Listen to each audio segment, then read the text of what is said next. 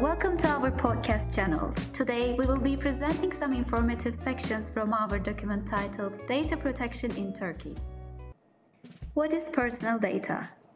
Personal data is any information relating to an identified or identifiable natural person, such as name, identification number, location data, online identifier, or one or more factors specific to the physical, physiological, genetic, mental, economic, cultural, or social identity of that natural person.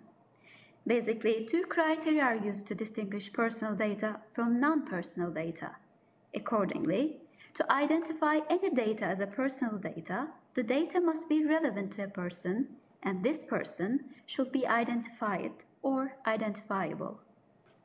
Special categories of personal data sensitive data.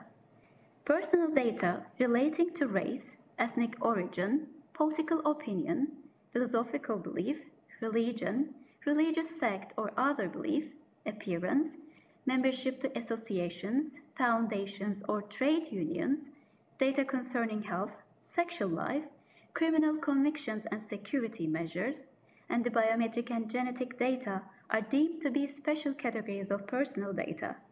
Special categories of personal data, if obtained by others, can leave the data subject open to discrimination or unfair treatment. For this reason, sensitive personal data merit specific protection.